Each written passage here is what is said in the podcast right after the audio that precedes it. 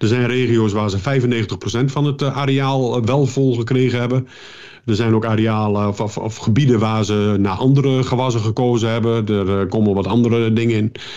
richting het zeeuws en dergelijke zijn toch wel de nodige alternatieve gewassen uitgedacht. Maar het, uh, diegene die er hebben staan, is dit het beste advies op dit moment.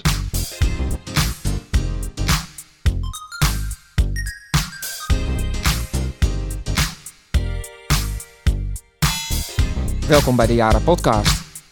Het is uh, nou ja, op dit moment even droog buiten. En Theo is even naar binnen gegaan. hij heeft een bakje koffie gepakt. drink hem ook gerust eventjes op, Theo. Dan luid ik deze, deze, deze eh, podcast even in. Sla ook niet je microfoon om. Um, ik wilde het met jou eventjes hebben over twee akkerbouwgewassen. Ik wil het met jou hebben, als jij het goed vindt, over wintertarwe. En ik wil het even hebben over aardappelen. Um, en wintertarwe wil ik eigenlijk even aanhalen, omdat nou ja, dat, dat op dit moment nou ja, gaande is, zeg maar. En dat we, dat we wat buiten zien. En um, de aardappelen wil ik, omdat ik in de wandelgang iets over een paar cijfertjes heb gehoord. En uh, wellicht dat we daar eventjes bij stil kunnen staan. Theo, beginnen we even met wintertarwe. Het is, nou ja, we hebben een natte tijd achter de rug. En ik denk dat dat nog niet heel erg positief is voor de ontwikkeling van het, van het gewas. Nee, wat kunnen we doen? Dat is een absoluut een, een, een, dingetje wat op dit moment speelt. Het is, kijk, zeker als je zelf wintertarwe hebt staan, ga je velden in. En kijk eens waar het uh, niet verzopen is, uh, dat is ten eerste. Ten tweede is, uh, op heel veel plekken is het erg laat in de grond gekomen. Dus het is erg laat gezaaid. Dus het is erg laat. En het is, het is nat en verzopen. En ook hier en daar nog wat structuurschade gemaakt. Ja, en dan zie je dus als je nu een plantje uit de grond trekt. Ik heb afgelopen week voor Insta ook nog weer een videootje gemaakt. En ja, dan schrik je ervan als je de schep in de grond steekt of je trekt de, plantjes zo uit de grond hoe weinig wortelen uh, die plantjes gevormd hebben. Nou, dat is deze tijd van het jaar wel heel belangrijk. Want ze willen zometeen flink, flink van start. En als ze geen, geen wortelen hebben, ja, dan komen ze in de problemen met fosfaatopname, met kaliopname, met magnesiumopname. Het maakt niet uit, het wil allemaal niet. nitraten gaat nog wel. Dat is wel iets wat wij altijd wel adviseren om in het vroege voorjaar op tijd met nitraten erbij te zijn. Nitraten die uh, stimuleren de wortelgroei. Uh, onder andere uh, het hormoon cytokinine wordt daardoor getriggerd. Cytokinine zorgt weer voor extra wortelgroei. Dus dat is ook alweer heel positief. En voor wakker worden, voor echt voor de groei te, te laten starten. Daarom moet je voor, zorgen voor voldoende nitraataanbod in, in, in de wintertarwe of in de wintergranen sowieso. Kijk, natuurlijk, je moet altijd oppassen. Je moet geen uh, meststoffen in plassen gaan gooien. Dat is niet, uh, niet optimaal. Uh, maar onder deze omstandigheden zou ik daar toch wel voor kiezen.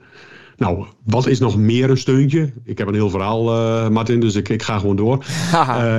Ik, uh, als je nu bij je graan komt en je hebt zometeen de mogelijkheid om onkruid te gaan bestrijden, ja, dan is er een hele mooie optie om daar een beetje een hulpje bij te pakken. En uh, wat wij nu adviseren is om op dat moment een uh, liter of drie Solatrel toe te voegen aan je herbicide.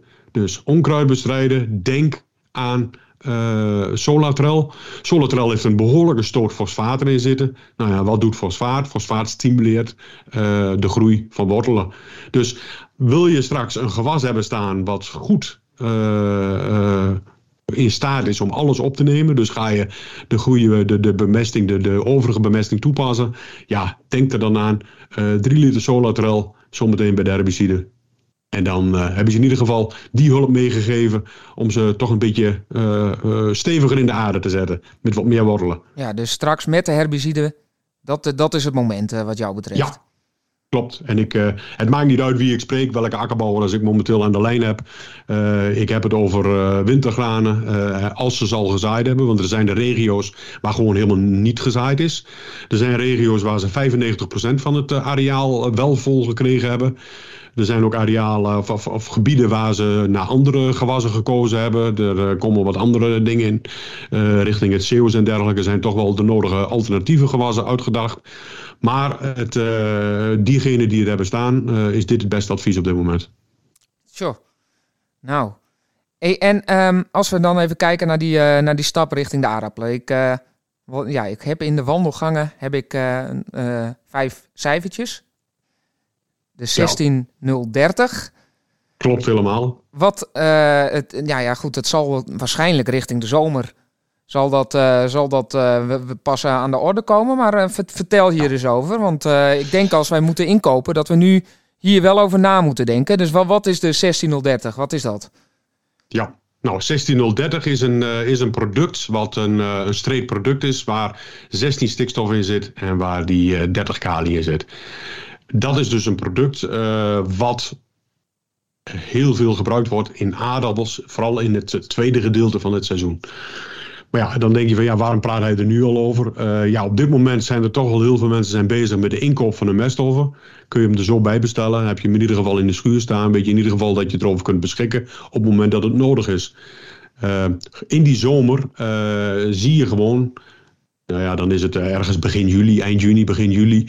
Zie je gewoon dat de hoeveelheid kali uit de bodem eigenlijk verdwenen is. En dat is eigenlijk een. een uh, dan is eigenlijk alles opgenomen en dan wil je dus een beetje uh, bijstrooien. Nou, wat is dus het voordeel van die 16030? In tegenstelling tot heel veel andere producten is het gewoon echt één korrel. En hij is echt vanaf de spuitsporen te verstrooien. Dus hij is super verdeelbaar. Hij is dus uh, goed voor overbemesting. Daar is hij dus een uh, perfecte voor. Dus je hebt ook een heel goed strooibeeld. Dat is heel belangrijk. Wat doe je dus met die extra kali en die uh, hulp die je geeft? Die extra kali zorgt ervoor, en zeker bij consumptieaardappelen, dat je blauwstotigheid dat die voorkomen wordt. En uh, dat je op die manier zorgt dat je een gezonder gewas krijgt, waar je minder afkeuring voor krijgt. Dus in de chips, als wij een zak chips lostrekken, dan willen we niet al die kleuren erin hebben. Dan willen we gewoon mooie, egale, gele chips erin hebben. Nou, daar is die NK 16030 een hele mooie ondersteuning voor. Dus voor consumptie en voor de, de, de, de friet en de, en de chips aardappelen. Daar is die ideaal geschikt voor. Dus wat later in het jaar om de, de, de korten die er dan zijn aan te vullen. Ja, hij, zit ook nog in een hij zit ook in een mooie verhouding. Maar dat is nog net de behoefte die de plant heeft op dat moment. Dus die half-half, van nou die 1, uh, 2 derde, dus 16 en die 30, die passen gewoon heel goed bij wat die plant nodig heeft. Kijk, kijk. Maar is het dan alleen maar uh, Hosanna of zitten er ook nog wat nadelen aan, deze, aan dit product? Nou kijk, het is een, uh, een product wat uh, overzakelijk niet in de, de, de zetmeelaardappels gebruikt wordt. Want uh, het is op basis van chloor zit het erin. Er zit, het is dus chloorhoudend. Chloorhoudend heeft als neiging om het zetmeelgehalte te laten dalen. En ja, de, met zetmeelaardappels en dan je laten verlagen, dat is niet helemaal de, de, helemaal de optie. Dus hij is daar ook wat minder voor geschikt. Overige aardappels is geen probleem. Ik vind het altijd prachtig om te horen wat mijn uh, Duitse collega's uh, en boeren daar zeggen. Die zullen nooit geen chloor gebruiken in, uh, in, in hun aardappels. En als je dan vertelt alle positieve effecten die het heeft voor de consumptie, voor de friet en voor de chips aardappelen ja, dan kijken ze dan, ja, nou, misschien wel. Maar het is geen product wat daar groot zal worden. Dat is niet iets wat daarin zit. België begint het wel wat meer uh, gebruikt te worden. Maar in Nederland is het gewoon algemeen gebruik, uh, wordt het gewoon heel veel gedaan. Dus bij die specifieke aardappels. Ja, dus het is echt uh, voordelig als we kijken naar blauwstotigheid, maar ook bakkwaliteit, toch? Ja, klopt. klopt. Ja. Daar, is hij, daar is hij super in de ondersteuning.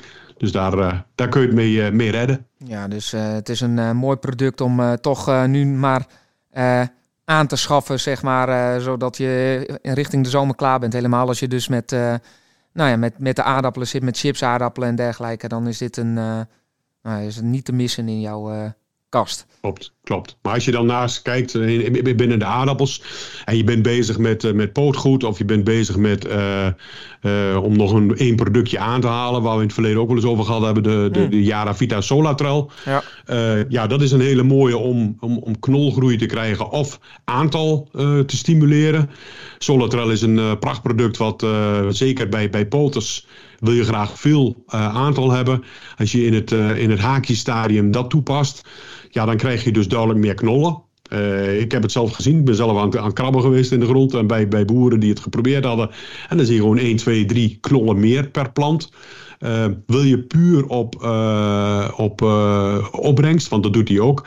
En dat is dus een, de Solatrel is ook echt duidelijk met een, met een stoot fosfaat erin is heel goed voor de aardappels. Er zit ook een beetje magaan in. Dat is momenteel ook wel een, een hot item. Maar vooral dat fosfaat zie je bij aardappels toch wel heel positief werken. Want aardappels hebben een relatief uh, beperkt wortelstelsel. En dat beperkte wortelstelsel is lastig om fosfaat op te nemen. En fosfaat is vrijwel immobiel in de bodem. Moet bijna tegen de wortel aan liggen om opgenomen te worden. Terwijl je bijvoorbeeld nitraten echt tot 6 centimeter reist die door de bodem heen en gaat die naar de wortel toe. Dus daar is het makkelijk opneembaar, maar fosfaat is vrij immobiel. Uh, dus met die Solatrel kun je dus ook uh, bladniveau wat omhoog krijgen. Dus wat ben je dus in principe aan het doen? Op een gegeven moment denkt die plant van uh, het uh, einde van het jaar is daar. Maar als je zorgt op dat moment nog een keer met een beetje fosfaat, oftewel met Solatrel erbij gespoten, merk je gewoon dat die planten een week tot tien dagen langer groen blijven. En die week tot tien dagen is extra groei. Dus dan krijg je extra knollen. En in het begin is het dan extra, of extra knollen in het begin. En aan het einde krijg je dus grotere, zwaardere knollen. Dus meer opbrengst. Goh, ook nog een stukje plantkunde van jou uh, meegekregen in deze podcast. Dankjewel uh, Theo. Uh, we hebben de wintergranen en we de aardappelen hebben we eventjes bij de kop gehad. De volgende keer pakken we weer een ander gewas. Maar hey, dankjewel. en u ook bedankt luisteraar richting deze podcast. Um, mocht je er nou nog niet genoeg van hebben gehad... abonneer je eventjes op deze podcast. Dan mis je geen enkele aflevering. En abonneer je ook eventjes op onze nieuwsbrief. Daar staat alles in wat je wil weten over jouw professie. En uh, nou ja, kijk ook eventjes uh, op onze socials. Uh, Theo haalde het al even aan. Hij heeft onder andere een, Insta-video waarbij hij een stukje wintertarwe uit de grond trekt. Nou ja, dat wil je natuurlijk zien, dus uh, kijk daar ook eventjes op. En abonneer je daar even op, dan mis je helemaal niks. Dank jullie wel.